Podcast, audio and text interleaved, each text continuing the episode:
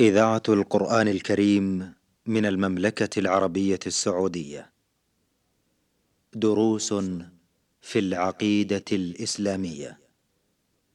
برنامج من إعداد فضيلة الدكتور صالح بن عبد الرحمن الأطرم. تقديم فهد بن عبد العزيز السنيدي.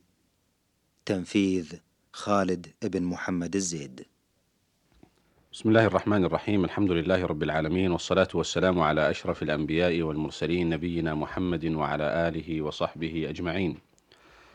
إخوتنا المستمعين الكرام السلام عليكم ورحمة الله تعالى وبركاته. أسعد الله أوقاتكم بكل خير وأهلا ومرحبا بكم إلى حلقة جديدة في برنامجكم دروس في العقيدة الإسلامية. في مطلع هذا اللقاء نرحب بفضيلة الدكتور صالح بن عبد الرحمن الأطرم أود في هذه الحلقة شيخ صالح أن أتحدث عن موضوع مهم أرى أن له أهمية كبرى في مجال الحديث عن العقيدة الإسلامية. قبل أن ندخل في هذا الموضوع نود أن نتحدث عن عالم من علماء الدعوة السلفية وهو الشيخ محمد بن عبد الوهاب رحمه الله. ذاك العالم المبارك الذي نفع الله به نفعا عظيما. اشتهرت دعوته في مجال العقيدة وتصحيح المعتقدات وما يتعلق بها من فروع. كانت له خطوات مباركة في هذا المجال وتحدث عن قضايا مهمة في قضايا العقيدة.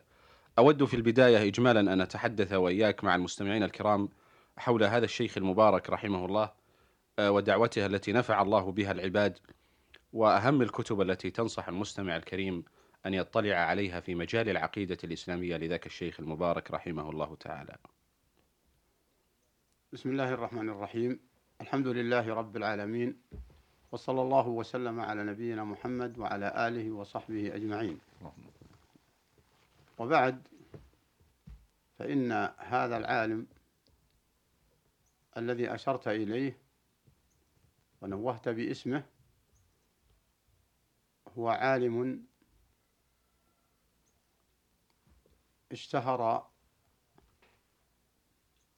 اشتهر منه الدعوة إلى توحيد الله سبحانه وتعالى ونفع الله به وثبتت آثاره وكانت دعوته رحمة الله عليه حين ما قام بها دعوة سلك بها طريقة الرسول عليه الصلاة والسلام من حيث المبدأ ومن حيث التماس الأسباب التي تثبت الدعوة. فأما المبدأ فهو فهي الدعوة إلى عبادة الله وحده لا شريك له والدعوة إلى الاعتقاد إلى أنه الواحد الأحد الفرد الصمد الذي لم يلد ولم يولد ولم يكن له كفوا أحد. وأن هذا وأن من اتصف بهذه الصفات لأنه بأنه الخالق الرازق المحيي المميت. ومن كان قادرا القدرة الكاملة ومتصفا بالصفات العليا والأسماء الحسنى فإنه فإن على خلقه أوجب الواجبات أن يعبدوه وحده ولا يشركوا به شيئا نعم. هذا من حيث المبدأ ومن حيث الأسباب أنه التمس أوضح الأسباب وأكبرها وأكثرها وقوعا ومتابعة للرسول عليه الصلاة والسلام نعم. فإن الرسول عليه الصلاة والسلام لما أمر بأن يدعو إلى عبادة الله وحده بدأ الناس بقوله أيها الناس قولوا لا إله إلا الله تفلحوا فأخذ على ذلك عشر سنين وهو يلتمس من يساعده بإعلان دعوته بعدما يتبعوه ويقبلوا. فلما فتح الله سبحانه وتعالى على قلوب أصحابه أبي بكر وعمر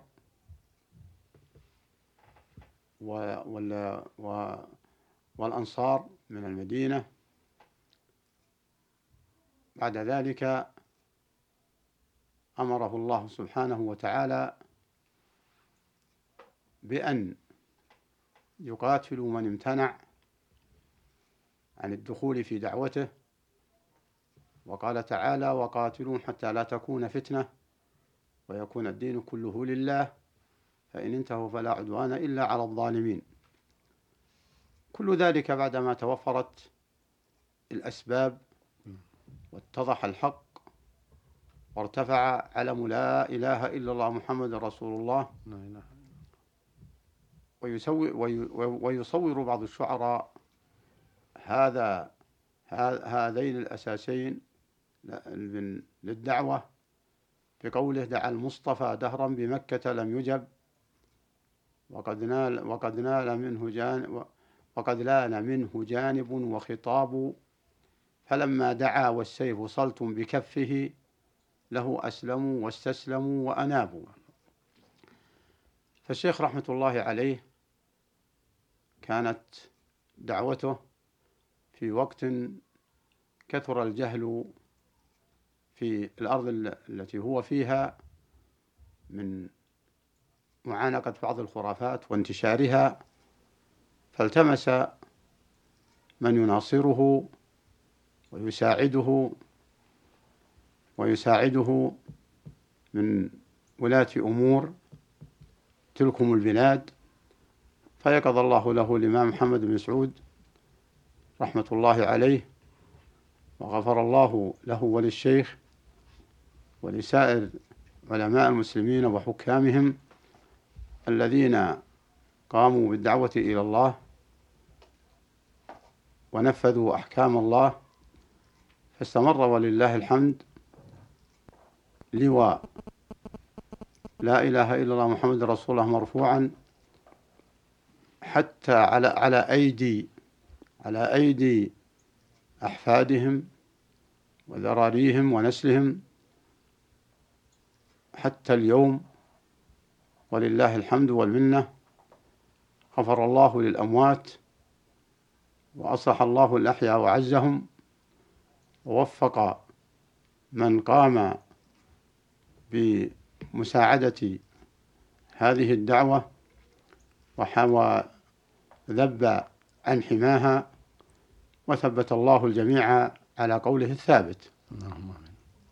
والكلام عن دعوة الشيخ محمد عبد الوهاب لا يتسع لها هذا المجال. ولكن ربما يأتي إن شاء الله تعالى بعض الإشارات إلى إلى إلى ما إلى إلى ما بذله في هذا السبيل وإلى أثر ما بذله ولله الحمد والمنة. وفق الله الجميع لما يحبه ويرضاه في كل زمان ومكان. اللهم نعم. إذا الشيخ رحمه الله تعالى جاء في بيئة كما تفضلتم انتشر فيها الجهل والبدع نعم. كثرت فيها الخرافات. آه، أيضا أعرض فيها الناس عن عبادة الواحد الأحد سبحانه وتعالى فبدأ ونذر على نفسه أن تكون البداية انطلاقته في تصحيح هذا المعتقد وإثبات وحدانية الله تعالى وأنه هو المستحق للعبادة سبحانه. فكان انطلاقه صحيحا عندما ينطلق من الأساس الأول الذي تنبني عليه جميع أركان الدين ألا وهو المعتقد تصحيح هذا المعتقد. نعم هذا هو هو أول واجب. نعم. كما هو واضح في القرآن والسنة. نعم. وما أشرت إليه هو حقيقة إلا أن عبادة الله قد تكون موجودة نعم. في زمنه كما كانت موجودة في الجاهلية وقت الرسول عليه الصلاة والسلام. قبل أن يؤمر بالقتال. لكن لكن أن هذه العبادة أو هذا الجنس من عبادة الله الموجود معه شيء من الخرافات والمعتقدات السيئة والتعلقات بغير الله. نعم. والتعلقات بغير الله. هذا هو الموجود. فأما جنس العبادات لله نعم. أو جنس بعض الطاعات أو تعظيم الله هذا قديم. في كل زمان ومكان إلا ما قد يحصل من الدهريين وبعض الفلاسفة الذين ينكرون وجود الله أصلا. هذا أمر آخر. نعم. وأما سائر الطوائف فسواء أنهم مشركون أو أنهم منحرفون في آه، في آه، بعض المعتقدات في أسماء الله وصفاته فإنهم يعترفون بوجود الله وبقدرته لكن يبقى البحث فيما يستحقه في صرف ما يستحقه على عباده. نعم. له وحده لا شريك له. الذي لا يقبل له شريك فيه. فيبقى محل الدعوة الصحيحة إلى هذه النقطة الأساسية. نعم. نعم. الكتب التي بدأ الشيخ محمد بن عبد الوهاب رحمه الله في تأليفها في هذه القضية وتنصح المستمع الكريم أن يتابع برنامجنا هذا دروس في العقيدة الإسلامية من خلال اطلاعه على كتب الشيخ رحمه الله. رحمة الله عليه كل مؤلفاته بلا شك ولا ريب أنها في صميم الموضوع. ولكن مما بدأ به في أوضح الأسلوب و وأقرب تناول نعم. للعام للعامة والخاصة هو ما تسمى برسالة ثلاثة الأصول. نعم. والمراد بثلاثة الأصول هي معرفة الرب ومعرفة الدين ومعرفة النبي محمد صلى الله عليه وسلم بالأدلة. فهذا مؤلف عظيم. نعم. ألفه على طريقة السؤال وعلى طريقة الجواب وعلى طريقة الجزئيات بحيث أنه يصل إلى ذهن كل إنسان. وهو الأصول و... الثلاثة وهو الأصول الثلاثة. نعم. وأنه لا يستغني عنه لا عالم نعم. ولا جاهل. وكل يتصوره فالعالم لا يستغني عنه والجاهل بلا شك ولا ريب أنه أكثر حاجة وأنه وأنها في صميم بيان ما خلق له الإنسان نعم. ثم يلي ذلك كتاب التوحيد الذي هو حق الله على العبيد نعم. والمراد بالتوحيد إذا أطلق المطلوب هو إفراد الله بالعبادة وحده لا شريك له الذي هو معنى لا إله إلا الله محمد رسول الله. هذا هو التوحيد الصحيح الذي دعا دعت إليه جميع الرسل من نوح عليه السلام إلى محمد عليه الصلاة والسلام. عليه الصلاة والسلام. هذا هو التوحيد المطلوب عبادة الله وحده. أما التوحيد في اعتقاد أن الله القادر الخالق الرازق فهذا أغلب الخلق يعتقدونه نعم. بل وحتى البهائم تعترف أن هناك رب وخالق ولهذا حينما شوهد كثير من البهائم حينما تمرض ترفع رأسها إلى السماء لأنها فطر فطرت على أن أن أن من تحتاج إليه في, في, في العلو. نعم. في, في, في, في العلو. الله أكبر. فهذا لا ينفع الإنسان إذا كان مجرد ما يعتقد أن الله موجود وأنه الخالق وأنه القادر ما لم تقم بحقه فمقتضى اعتقاد أنه خالق وأنه الرازق أن تعطيه حقه. نعم. أي ما يستحقه عليك أيها المخلوق. هذا هذه نبذة أحسنت مما أحببت الإشارة إليه. أحسنتم شيخ نعم. الحقيقة أن الوقت البرنامج قد أزف لكن أود أن أستذكر معك إذا تكرمت إذا كان هناك شروح معينة نذكرها ولو ذكرا للمستمعين الكرام. حول كتاب الأصول الثلاثة أو التوحيد و... نعم وهذا يتأكد إن شاء الله تعالى في- هناك كتب شرحت هذين الكتابين شيخ لو سمحت نعم أن الثلاثة أصول كثير ممن آه، علق عليها وشرحها نعم يحضركم أحد تنصح المستمع الكريم بها؟ نعم منه تعل... منها. تعليق عبد الرحمن بن محمد بن قاسم رحمة الله عليه. نعم. ومنها تعليق الشيخ عبد العزيز بن باز. نعم. و... وصدر كثير من الأخوة في الوقت الحاضر. نعم. لا أستحضر أسماءهم. أما كتاب التوحيد. نعم.